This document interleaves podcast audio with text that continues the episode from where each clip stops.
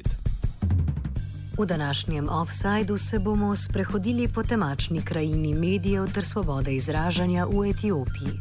Odnos etiopskega političnega establishmenta do novinarstva in svobode izražanja pravzaprav nikoli ni bil dober. Začetki gonje proti iskrenim in iskrivim mnenjem o dogajanju v državi segajo že v čas vladavine Haile Selasija, še manj pa je iskrena mnenja tolerirala vojaška junta Derk. Ko je leta bila odstavljena in je vajeti oblasti v roke prevzela Etiopska ljudska revolucionarna demokratična fronta EPRDF na čelu z Melesom Zenavijem, so pričakovanja o medijski svobodi bila visoka. Vendar so v zadnjih letih in še posebej po dogodkih v zadnjem mesecu, ko so poleg novinarjev v Etiopiji bili areterani tudi blogerji, kaže veliko mero paranoje, ki še vedno prežema etiopski politični vrh. O zgodovini odnosa med etiopskimi oblastmi in svobodo izražanja nam več pove Tom Rhodes iz Komiteja za zaščito novinarjev. I don't think Ethiopia ever had a, a, good relationship in terms of media freedom. I mean, since you know, since uh, since the time of Selassie, even.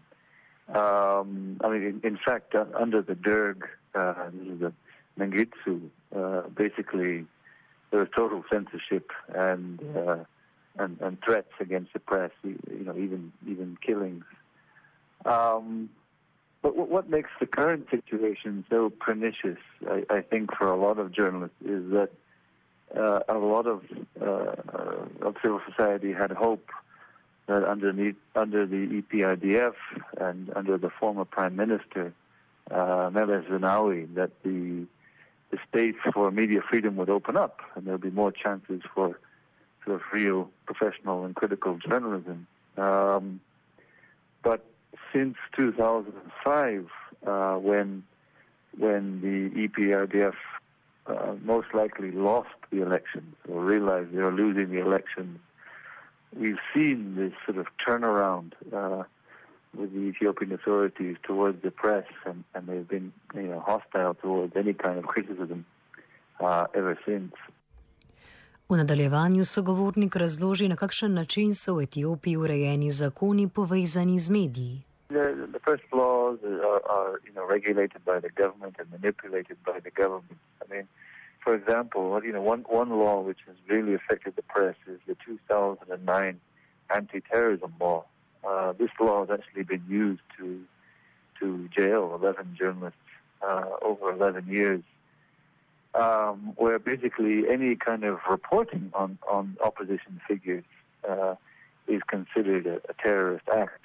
Uh, uh, even you know exchanging emails with one of the opposition party members uh, can lead to an arrest, and and this has really been the uh, the problem is, is these kind of these laws being misused uh, with sweeping terminologies to silence their critics and we're seeing it now. What, what makes it so scary is that you know before you, you may have seen uh, a critical journalist in the print press being targeted, but now we're also seeing you know bloggers uh, uh, and, and other people who, who try to express themselves online.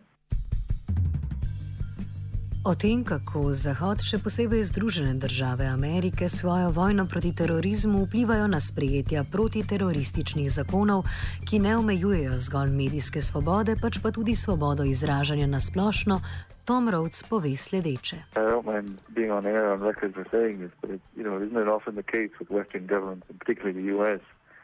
Where, you know, one hand will be supporting uh, fairly progressive measures, while the other hand is is, uh, you know, if not visibly, you know, behind the curtain, uh, supporting, you know, and you know these these terrible authoritarian measures. And uh, I think this might be one of those cases. I mean, one thing that happened after 9/11 in, in the U.S. And, and George Bush went on this sort of this kind of uh, national security rampage is that a lot of governments here in East Africa and the Horn followed suit. I mean, they just they realized it was a great uh, tactic to silence their critics and and even get you know, foreign aid uh, from the U.S. and others.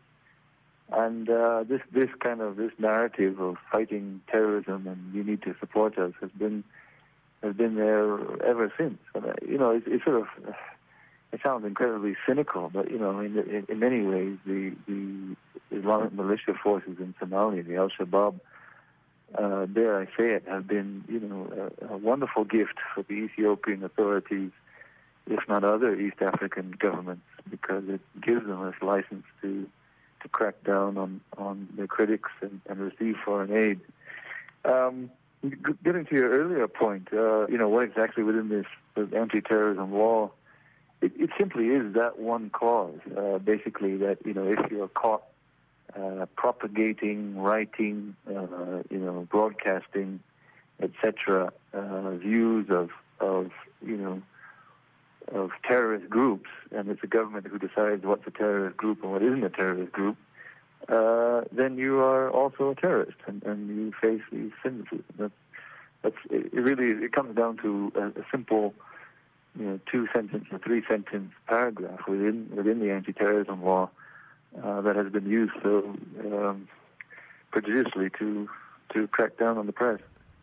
Sogovornik nadaljuje s tem, kaj je v Etiopiji sploh dovoljeno objaviti brez posledic. It's a complicated uh, picture. Um, I mean, you know, direct criticism towards the the government is, is a, sort of a no-go area. Um, they're very, very concerned over a kind of incitement uh, on either religious or ethnic lines. I mean, for example, the largest ethnic group in Ethiopia are the Oromo, and they've never held power uh, in the country and, and often feel sort of sidelined uh, both politically and economically. Uh, so, you know, kind of highlighting their concerns is another issue, for example. Um, but also, I mean, you know, e- even sort of business and development projects. I mean, uh, to give you an example, uh, one one journalist that I know who who fled the country uh, had written a story about Ethiopian Airlines, interviewed a, a sort of a high-ranking official at the airlines who who told him on record that there were uh, kind of security issues with their planes. You know, they were, they were worried about some of the uh, the ability to fly some of these planes and uh, he, his life became a living hell afterwards. I mean, they targeted his family, they targeted him, uh, because Ethiopian Airlines has shares and links to the government. V zadnjem mesecu dni so etiopske oblasti ponovno izvedle masovne aretacije ljudi, ki so v časopisju in na spletnih straneh izražali svoje mnenja o tem, kaj se trenutno dogaja v državi. Poleg treh novinarjev je bilo areteranih šest mladih blogerjev iz skupine imenovane Zone 9. O razlogih za njihovo aretacijo nadaljuje Tom Rhodes. Well, I mean, again, it's it's so sort of frustrating. They, they actually weren't saying anything. They they actually stopped their activities for about seven months. Um, just to give you a bit of breakdown, if you don't mind, I mean, they're called the Zone 9 bloggers. Uh, and it comes from Kaliti prison. It's a prison in, in Addis Ababa, the capital of Ethiopia, uh, which holds political prisoners, a lot of opposition members, etc. And uh, it's it's sort of separated into eight zones, Zone 8. And so the bloggers called themselves Zone 9 as a kind of a reflection of, of the, the prison, at least the lack of freedom of expression that, that Ethiopians, uh, you know, suffer under. Uh, so you know they're they're they're quite critical. They they really do sort of deep analyses of, of some of the economic development programs, and they they point holes in them, etc. Um, but this is what they did in the past and, and they actually stopped their operations for seven months uh, because of intimidations and threats.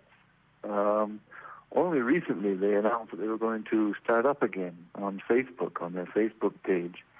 And then immediately, once they made this announcement, they were all arrested. So it's it's uh, it's really really getting getting scary. I mean, you know, at least in the past, it, it seemed that Ethiopian authorities at least made a small modicum of an effort to show legitimacy in their operation, you know. But in, in this latest case, it just seems as if they're, they're really, uh, you know, uh, following dictatorial policies and, and arresting whoever they don't like, whenever they like, regardless of international and local criticism. Zanimalo nas je tudi, kakšne usode čakajo aretirane novinarje in blogerje. Interestingly enough, the, the latest group of, of journalists arrested uh, were not charged under the terrorism law, but the I believe, the penal code. Um, but um, well, I mean, judging on what has happened to our other colleagues, where you know we we don't see a shred of evidence that they are in any way a terrorist or inciting insecurity, etc. Uh, their their long prison sentences have been upheld. I mean, uh, you know, um, Tai uh, a journalist from Awramba Times. He's serving 11 years in one of the worst uh, prisons in, in the country. Um, he also suffers from a, a kidney stone problem when they're not allowing him to get treatment.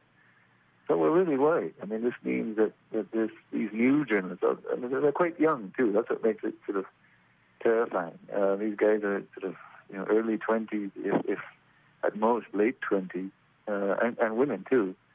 Uh, maybe spending you know the, the good chunk of their, their youthful life in, in an Ethiopian prison. Etiopija ima številčno diasporo, ki je razpršena predvsem po Združenih državah Amerike. Novinarji in blogeri, ki so morali zapustiti svojo domovino, tako še vedno komentirajo dogajanje v državi. O tem, koliko dostopa imajo ljudje v Etiopiji do takšnih spletnih strani, Rhodes pove sledeče. That's a very good question. I'm, I'm glad you asked that. Uh, not as much as we'd like. I mean, uh, CPJ, we, we did some research. Uh, well, I'm sorry to say, in, in conjunction with other organizations in, in January uh, 2013. And I, I think in, in, during that month, there were about 70 news websites and blogs uh, suspended in Ethiopia. Uh, to give you an example, I mean, and, and this is a country with a very low internet penetration rate. Um, so, you know, the journalists that I that I met when I was in Addis, for example, often use proxies uh, to access different sites because uh, you know their, their, websites are routinely turned on and off or suspended and, and allowed to to, uh, to go online for a bit. even our own website, for example, cpj.org, uh, can be accessed sometimes in Ethiopia and, sometimes not. Um, so you know. you know, you really asked a good question because you have to wonder why why are these authorities so concerned when when so few Ethiopians are really um, looking at these stories. I, I guess my only uh, theory could be is that you know that they're concerned about the Ethiopian diaspora, which is which is quite large, and and the fact that many in the diaspora, you know, were were, were popular followers of of these blogs. I mean, I, I one thing I was sort of impressed about was the reaction by the Ethiopian online public towards their arrests. Um, you know, they, sometimes uh, there's a bit of suspicion uh, leveled towards journalists in Ethiopia, you know, if they might be part of the opposition, etc., whether they are or not. But it, it seemed to me that, you know, everyone in Ethiopia felt, feels that these bloggers are, are just totally innocent and, and simply citizens just like them and, and shouldn't be uh, targeted as such. Zaključimo z vprašanjem o tem, kakšna prihodnost čaka novinarje in ostale, ki iskreno in iskrivo objavljajo svoje poglede političnim dogajanju v Etiopiji. You know on, on a personal level, if I can say this, I, I find it incredibly, incredibly uh, painful for me because I, I feel so kind of helpless to actually be able to foment any change in Ethiopia. And, and a lot of these colleagues I've known for a long time, and they're bright, they're gifted, you know, and to see them wasting their lives in jail is, is very heartbreaking. But um, yeah, what can we do? I mean, I I, I think um, we just need to keep on adding pressure. I, I, I you know, the, the Ethiopian authorities have an extremely thick skin and don't seem to care about international opinion, uh, despite the fact that you know a massive amount of their budget relies on foreign aid. Um, so you know, the pressure has to go both ways. Right? We, we have to keep, you know, pointing out these these problems and these injustices. Uh, but we also have to push on on the the foreign donors. You know, I mean, look, Kerry made some wonderful comments while he was in Addis, but what else have we done to really, you know, uh, to approach the problem? Uh, and unfortunately, the, the Ethiopian government knows that it's just lip service, and they know they can carry on doing what they want to do because. Uh, because the development projects are already halfway in in, in uh, in in, uh, in the works, and uh, you know, the Ethiopian government is allegedly cracking down on terrorism in Somalia, et etc., etc. Um, but it, it, you know, I, I think what a looking at the bigger picture, it, it really also shows, um, uh, you know, problems that Ethiopia may face in the future in terms of development. I mean, it's impossible to to really gauge how much genuine development is taking place. You know, there, has been this narrative that Rwanda has been uh, using as well of, of, this kind of golden economic uh, years for Ethiopia and, and, and impressive developments, and, and maybe there has been some, but you know, it's, it's very hard to gauge how much when you can't have a free press to, to really kind of look into these um, into these measures. Offside je pripravila Anuša.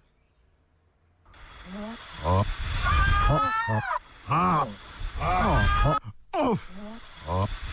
Off. Off. Off. Off. Side.